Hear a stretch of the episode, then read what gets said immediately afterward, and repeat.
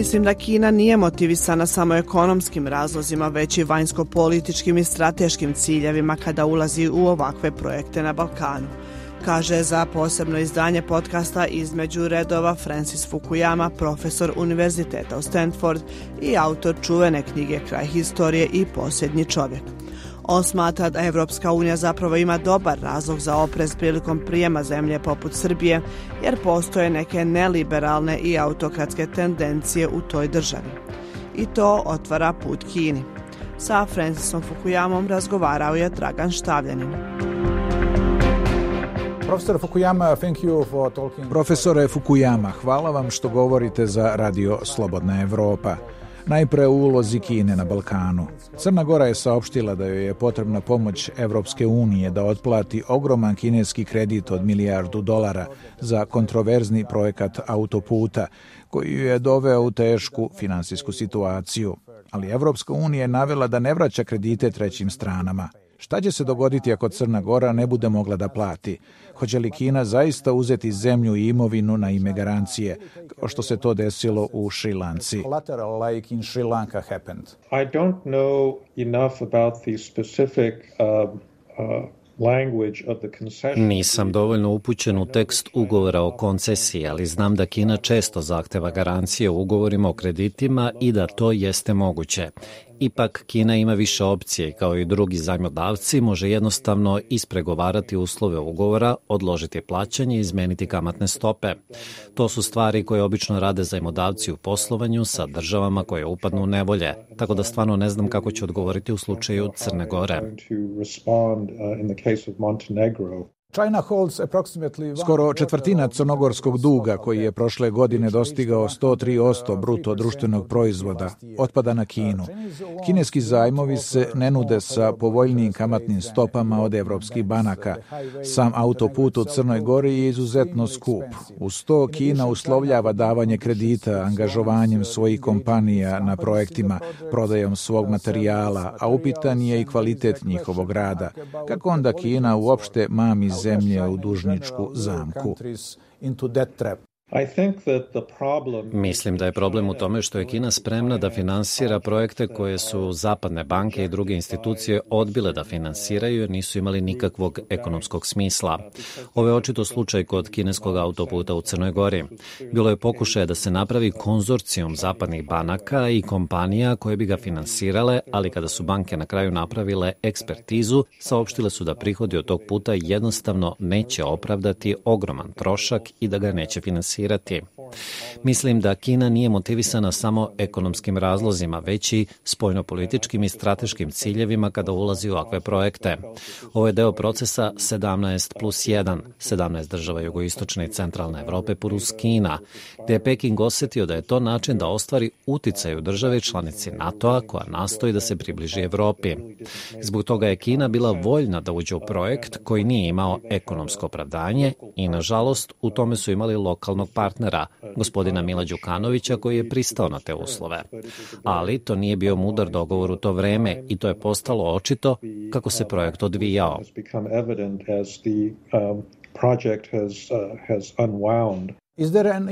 Da li je reč o korupciji ili autoritarnoj sklonosti predsednika Crne Gore Mila Đukanovića, Srbije Aleksandra Vučića i mađarskog premijera Viktora Orbana prema kineskom političkom modelu?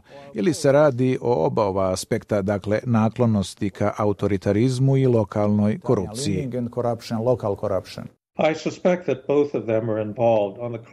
Pretpostavljam da je oboje u pitanju.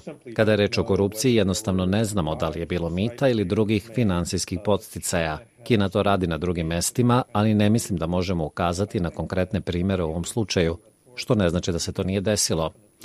Mislim da je fokusiranje na autoritarne lidere definitivno deo kineskih pravila igre. Da nešto razjasnimo. Gospodin Đukanović je bio legitimno izabran, ali je sigurno neprekosnovena ličnost u crnogorskoj politici u poslednje dve decenije. Bio je u stanju da progura ovaj projekt uprkos protivljenju znatnog dela civilnog društva i aktivista u svojoj zemlji. Međutim, zbog velike unilateralne moći koju je imao, odobrio je projekt i uvukao celu zemlju u problem. Got it approved and then got the whole country into trouble. Kina produbljuje svoje uporište na Balkanu kroz infrastrukturne i energetske projekte.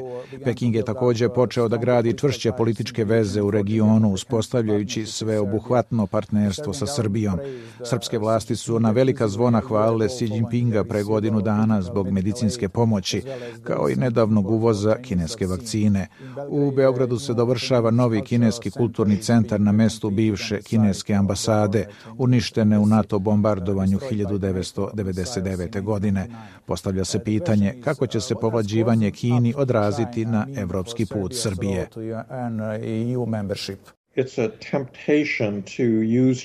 To je nastojanje da se koristi Kina kao poluga protiv Europske unije koja je uzdržana prema proširenju zbog problema koje ima sa nekim novim članicama iz istočne Evrope. I to oklevanje je otvorilo put Kini, ali na kraju to nije dobro za države koje su uključene jer, kao u slučaju Crne Gore, one se prenapregnu preko svojih mogućnosti, upadnu u dužničke zamke i ne ostvare ekonomski rast koji su očekivale. Istina, političari ostvaruju kratkoročne benefite jer su u mogućnosti da objave da su dobili milijarde dolara kineskih investicija, što otvara prostor za rast i zapošljavanje, ali nažalost većina toga se nikada ne ostvari. Osim ove poluge, u slučaju Srbije, da li je multivektorski pristup međunarodnim odnosima, odnosno istovremeno fokusiranje na Evropsku uniju, SAD, Rusiju i Kinu, puka refleksija iz vremena Jugoslavije kada je Tito balansirao između zapada i istoka, ili politička igra koja ima za cilj da legitimiše svoj sve autokratski režim? Mislim da je u pitanju oboje. Svaki lider u toj situaciji bi pokušao da okrene ove različite strane jednu protiv druge. Evropska unija zapravo ima dobar razlog za oprez prilikom prijema zemlje poput Srbije, jer mislim da postoje neke neliberalne i autokratske tendencije u toj državi. I to, kao što smo rekli, otvara put Kini. To je deo normalne geopolitike, da postoji ova vrsta nadmetanja. Ali na kraju mislim da ako Srbija ili bilo koja zemlja na Balkanu želi da bude deo Evrope, mora da napravi suštinski izbor vrednosti. Da li želi biti liberalna demokratija ili neliberalni poluautoritarni tip države. Dok ne naprave taj izbor, mislim da će biti u ovoj nekoj poziciji između. Ali imamo i unutar Evropske unije autoritarne i populističke režime kao u Mađarskoj, Poljskoj. Veoma su snažni takvi pokreti čak i u zemljama razvijene demokratije poput Italije i Francuske. Uh, da ne govorimo o Sjedinjenim državama. Bivši predsjednik Donald Trump bio je deo ovog populističkog pokreta. To je nešto što pogađa mnoge demokratije danas i mislim da je to možda najveća pretnja demokratskoj praksi u zapadnim zemljama u dužem periodu. Uh,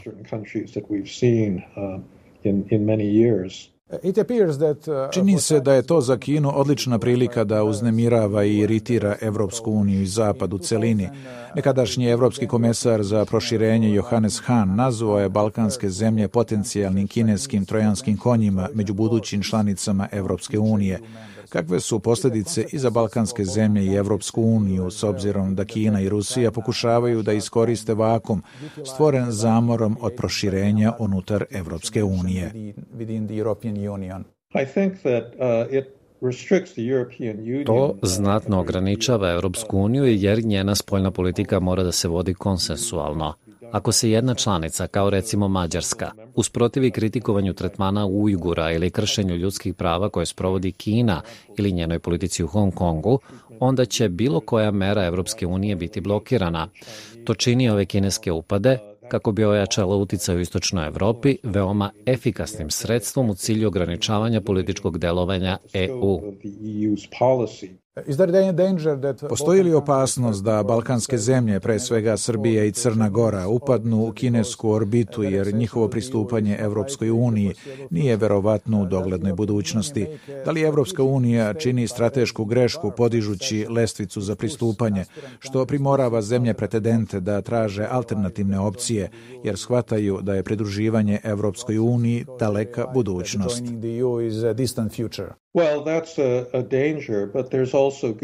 To je opasnost, ali postoje dobri razlozi zašto Evropska unija želi da očuva minimum standarda za prijem novih članica. Mislim da su Mađarska i Poljska, kao što ste pomenuli, primer nazadovanja unutar Evropske unije podkopavajući mnoge evropske vrednosti i ideale kada je reč o vladavini prava i slično. To je oslabilo Evropsku uniju kao svetionik liberalne demokratije u svetu, tako da postoji dobar razlog za oprez kod prihvatanja novih članica koje se nisu kvalifikovale kada je reč o izgradnji institucija. Kao što u Evropskoj uniji postoji zamor od proširenja, na Balkanu se javlja na neki način zamor od čekanja. Raširen je osjećaj u regiji da ove zemlje nikada neće biti deo Evropske unije i da će se u budućnosti kretati prema ruskoj ili kineskoj sferi uticaja.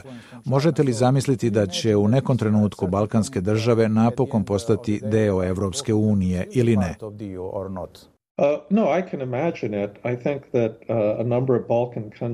Ja to mogu da zamislim.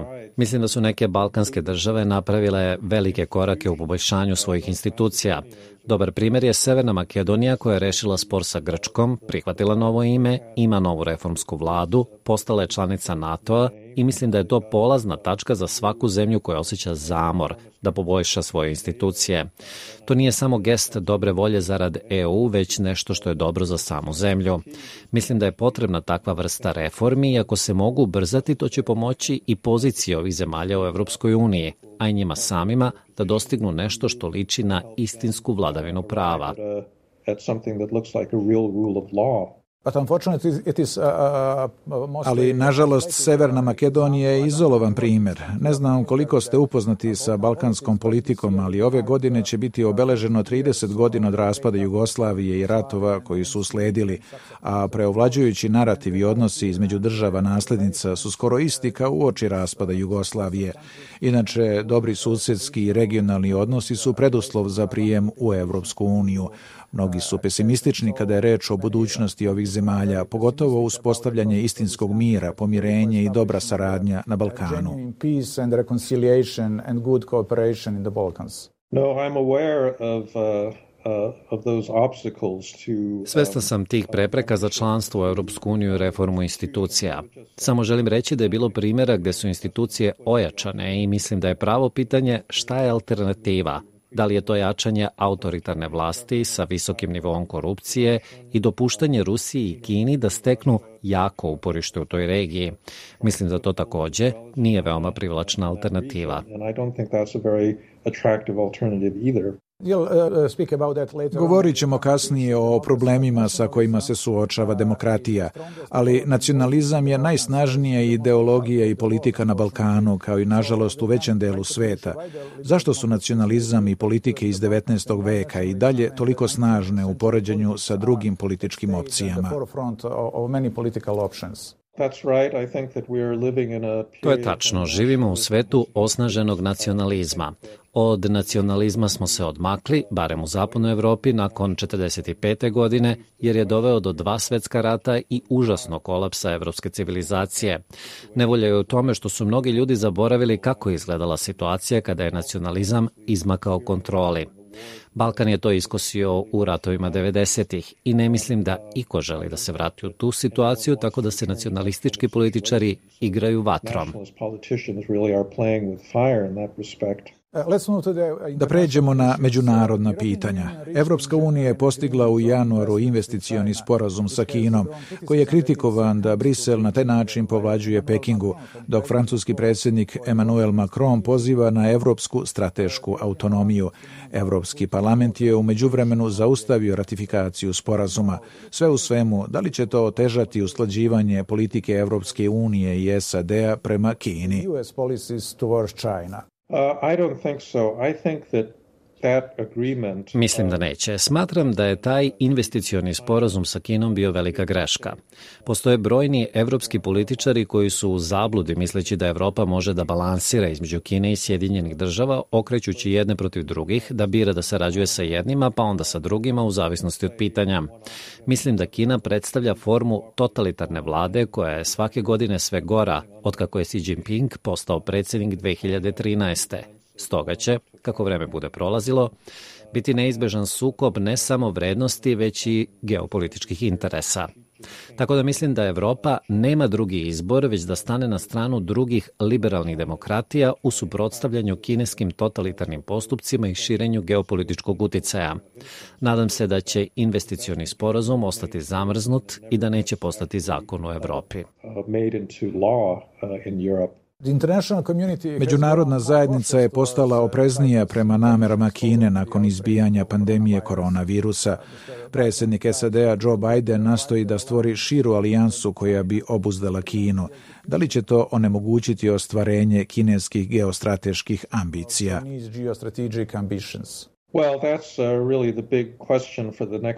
To je veliko pitanje za narednu generaciju jer Kina je moćna i njen uspon će se nastaviti. Sve moćne države ispoljavaju svoj uticaj na razne načine i to je nešto sa čim će zapadne zemlje morati da se izbore u budućnosti. Mislim da je njihov problem što su često podeljene kao što su Evropska unija i Sjedinjene države sada po brojnim pitanjima poput investicionog sporazuma sa Kinom. Zapadne zemlje će moći da se odupru Kini samo ako se dogovore da sarađuju. To je projekat na kojem svi treba sada da radimo. Da li će postpandemijski svet doživeti duboke promene u globalizaciji ka takozvanoj globalizaciji 2.0, što će voditi manjoj zavisnosti od lanaca snabdevanja iz Kine? Mislim da je ta promena počela pre pandemije sa strateškim razdvajanjem, što je mnogo više podstakla Kina nego Sjedinjene države Evropa. Kina je postala agresivna u svojoj spoljnoj politici na način na koji nije bila pre 2013. godine ispoljava teritorijalne pretenzije prema Indiji u Južnom Kineskom moru i drugim oblastima, zatim nastoji da osnaži uticaj u međunarodnim institucijama. Stoga mislim da je prirodno da demokratske države reaguju na ovakvo širenje kineskog uticaja, jer kao što sam rekao, ta zemlja predstavlja potpuno drugačiji sistem vrednosti. Uh, Postavlja se pitanje šta Kina želi na međunarodnom nivou, da dovede u pitanje postojeći zapadnocentrični globalni poredak traženjem većeg uticaja unutar njega ili stvaranje alternativnog međunarodnog sistema što se može zaključiti iz inicijativa poput Šangajske organizacije ili BRICS-a, iako to nisu toliko koherentne asocijacije. I think that Mislim da možda ni sami Kinezi nemaju jasnu ideju o tome šta žele. Smatram da su se u mnogo čemu okoristili od postojećeg liberalnog poredka, jer im je omogućeno da izvoze u zapadne zemlje što je bila osnova za njihov ekonomski rast u poslednjih 30 godina. S druge strane, oni jasno žele veći uticaj na međunarodne institucije. Stoga su pokrenuli inicijative kao što su Pojas i put, Azijska infrastrukturna investiciona banka, zatim nastoje da ubace što više svojih ljudi u brojne međunarodne organizacije, ne nužno da bi stvorili paralelni sistem, već da osiguraju da one služe interesima kineske spoljne politike. Da li ideja kimerike, reči o terminu Naila Fergusona, definitivno pripada istoriji? Da li su SAD i Kina na putu sukoba koji bi mogao dovesti do novog hladnog rata? Uvek sam smatrao da je smešna ova ideja da bi Kina i Amerika mogle zajedno da predvode svet. Ne možete imati dogovor između dve ideološki suprotstavljene zemlje o vođenju globalnih pitanja. Kina nema mnogo saveznika, dok ih Sjedinjene države imaju. Stoga je glavni zadatak Vašingtona da uspostave dobre odnose i dele teret sa saveznicima Tako zapadne zemlje kao blok mogu da se suprotstave autoritarnom uticaju u različitim delovima sveta. U tom smislu su za Sjedinjene države važniji odnosi sa drugim demokratskim državama nego bilateralni sa Kinom. Da li postoji opasnost od novog hladnog rata ili on već zapravo počeo, a da mi nismo toga ni svesni? Zavisi kako definišete hladni rat. Mislim da raste mogućnost sukoba sa Kinom i da je to nešto što moramo planirati, zvali to hladnim ratom ili ne. Smatram da je značajna razlika u odnosu na hladni rat u tome što je rivalstvo između Sjedinjenih država i Sovjetskog saveza uticalo bukvalno na svaku fazu odnosa. Istovremeno, danas postoje veoma snažni zajednički interesi u ekonomiji, trgovini i investicijama između Sjedinjenih država i Kine, Evrope i Kine, što je drugačija situacija od hladnog rata kada je Sovjetski savez težio da bude autonoman. Dakle, još nismo dostigli taj nivo, ali je u toku razdvajanje i mislim da će se ono nastaviti. Uh, Bilo bi veoma interesantno ako je moguće povući istorijsku paralelu. Da li bi se uloga Kine danas mogla uporediti sa pozicijom Nemačke u oči Prvog svetskog rata? Naime, politička i ekonomska moć Nemačke počela je ubrzo da raste nakon ujedinjenja 1871. godine, nastojeći da preoblikuje svetski poredak. Takođe je bila autoritarna zemlja poput danas Kine. Sve u svemu, težnja Nemačke za većim međunarodnim uticajem dovela je do Prvog svetskog rata. Da li ta opasnost postoji danas, jer su Ujedinjene nacije u Ćorsoka koji podsjećaju na društvo naroda stvoreno posle Prvog svetskog rata, koje je bilo nefunkcionalno i nestalo je u trenutku kada je čovečanstvo skliznulo u drugi svetski rat.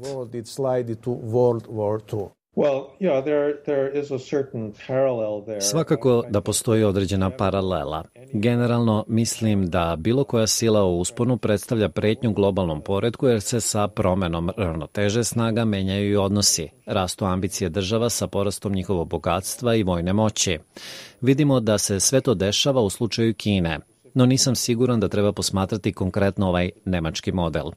U istoriji je bilo brojnih primera u kojima je rast moći novih sila destabilizovao međunarodnu politiku. U izvesnoj meri to se dešava sa svim zemljama, ne samo autoritarnim. U periodu između 1989. i 2008. godine, kada su Sjedinjene države bile dominantne, činile su takve stvari koje inače ne bi da je bila manja koncentracija moći u Vašingtonu, poput invazije na Irak. U tom smislu to nije nešto što je specifično samo za Kinu. Svaka velika, moćna zemlja u usponu želi da demonstrira svoju snagu. Predsednik SAD-a Biden uputio je zlosutnu poruku u nedavnom obraćanju pripadnicima vojske u Virginiji, istakavši da njegov kineski kolega Xi Jinping veruje da će Peking posjedovati Ameriku u narednih 15 godina. Da li će Kina u određenom trenutku nadmašiti SAD kao vodeća svetska sila? To stvarno ne znamo. Sve zavisi od politike. Kina sada deluje veoma kohezivno i stabilno, ali da li će njen politički sistem ostati takav tokom naredne generacije, mi jednostavno ne znamo. Postoji verovatnoća da Kina u jednom trenutku pretekne Sjedinjene države kada je reč o ukupnom bruto društvenom proizvodu. Možda je to već učinila ako se BDP meri prema parametrima kupovne moći. Međutim, Kina je još daleko od američkih prihoda po glavi stanovnika – a i suočava se sa značajnim demografskim iskušenjima jer se smanjuje broj stanovnika. To će vremenom neminovno dovesti i do pada ekonomskog rasta. Vaša poznata knjiga Kraj istorije najbolje je oslikala duh vremena nakon pada Berlinskog zida 1989. sa procvatom demokratije i širenjem globalizacije. Sada smo umesto kraja istorije svedoci povratka istorije, deglobalizacije umesto jačanja globalizacije, kao i nazadovanja demokratije. Kako se to desilo? Kako je svet iz vrlo obećavajućeg vremena skrenuo u tmurno? Well, there's many uh, Uh, Postoji mnogo uzroka ove promene. Uspon Kine bi se u svakom slučaju desio, što znači smanjenje uticaja Sjedinjenih država i Evrope. Zatim do rasta populizma u zapadnim zemljama dovela je ubrzana globalizacija što je izazvalo socijalne probleme. Takođe, ljudi su se s vremenom uljuljkivali naviknuvši se na mir i napredak, što je podstaklo njihova veća očekivanja. To se desilo u Evropskoj uniji. Ona je jedna od najuspešnijih institucija u istoriji jer je stvorena da bi sprečila rat između Francuske i Nemačke koji je danas nezamisliv. Međutim, ljudi to prihvataju zdravo za gotovo i žele da Evropska unija čini druge stvari za njih i nisu zadovoljni koliko to ne ispuni. To je stalni problem u politici jer očekivanja ljudi stalno rastu, a institucije često nisu u stanju da ih ostvare. Uh, Međutim, mnogi su u to vreme oduševljeno pozdravljali pad Berlinskog zida kao preteču demokratije i bolje budućnosti, dok je mnogo manje pažnje privukao brutalni obračun kineskih vlasti predvođenih reformistom Deng Xiaopingom sa studentima i disidentima na Tiananmenu nekoliko meseci ranije. Stiče se utisak da je tada zanemarena važnost tog događaja za sve što se kasnije dešavalo. I'm not sure that that's the case. You know, there um, Mislim da to nije u pitanju. Postoji pravac u društvenim naukama o modernizaciji koji navodi da se aspiracije ljude menjaju sa višim prihodima i obrazovanjem. To se dešavalo u drugim autoritarnim zemljama u Aziji, Tajvan, Južna Koreja i Japan, koje su kasnije postale demokratske sa rastom i bogatstva. Stoga nije bilo suludo očekivati da se tako nešto desi u Kini. Ne radi se o tome da Kina ne bi mogla da se demokratizuje u budućnosti, već da su drugi faktori to onemogućili, između ostalog uspon Xi Jinpinga, što se nije moglo predvideti. You know, the rise of Xi Jinping, which I don't think anyone necessarily would have predicted. Ali figurativno govoreći, da li i dalje verujete u kraj istorije u smislu dominacije liberalne demokratije nad drugim autoritarnim tendencijama? Da li biste napisali istu knjigu sa istom tezom 30 godina nakon prethodne? So the end of history was not a Kraj istorije nije bilo predviđanje šta će se desiti u globalnoj politici, već postavljanje pitanja o modernizaciji i kuda ona vodi. To je značenje pojma kraj istorije. Ako se istorija odnosi na proces modernizacije, onda se postavlja pitanje šta čini najmodernije društvo.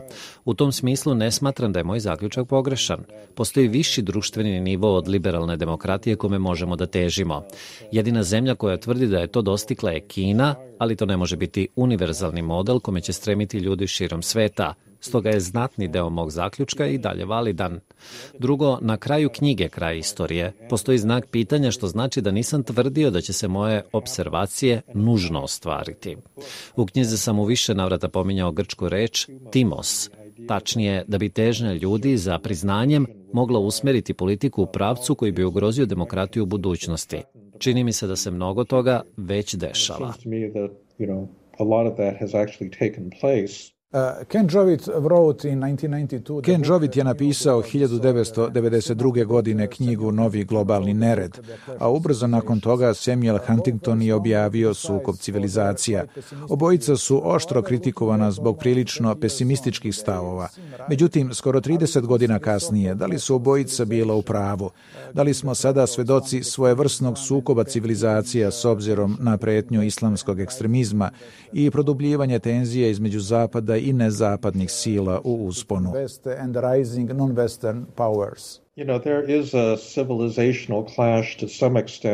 U izvesnom smislu postoji sukob civilizacija sa muslimanskim svetom, ali to nije nalik hladnom ratu. Naime, čak i unutar muslimanskog sveta postoje duboke podele između sunita i šita, između liberalnije i konzervativnije forme islama. Stoga smatram da će to ostati regionalni problem iako ima muslimana širom sveta. Ipak, ova vera se neće širiti izvan zemalja koje su već istorijski i kulturološki već muslimanske. Svedoci smo nazadovanja demokratije i uspona autoritarizma i populizma. Da li su autoritarizam i populizam uzrok posrtanja demokratije ili su samo simptom dubljih problema s kojima se demokratija danas suočava? Well, they're both. Radi se i o jednom i o drugom. Sve to je izraz društvenih i ekonomskih promena, od kojih su mnoge izazvane globalizacijom, ali istovremeno doprinose zaokretima u politici koji pak produbljuju te promene.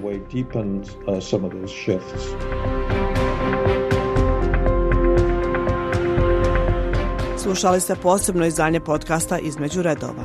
Razgovor Dragana Štavljanina sa Francisom Fukuyamom možete gledati i čitati na našem sajtu slobodnaevropa.org. Naše ostale podcaste pronađite na iTunesu, Spotifyu i Google podcastima. Podcast Između redova odnedavno također možete pronaći i na YouTube.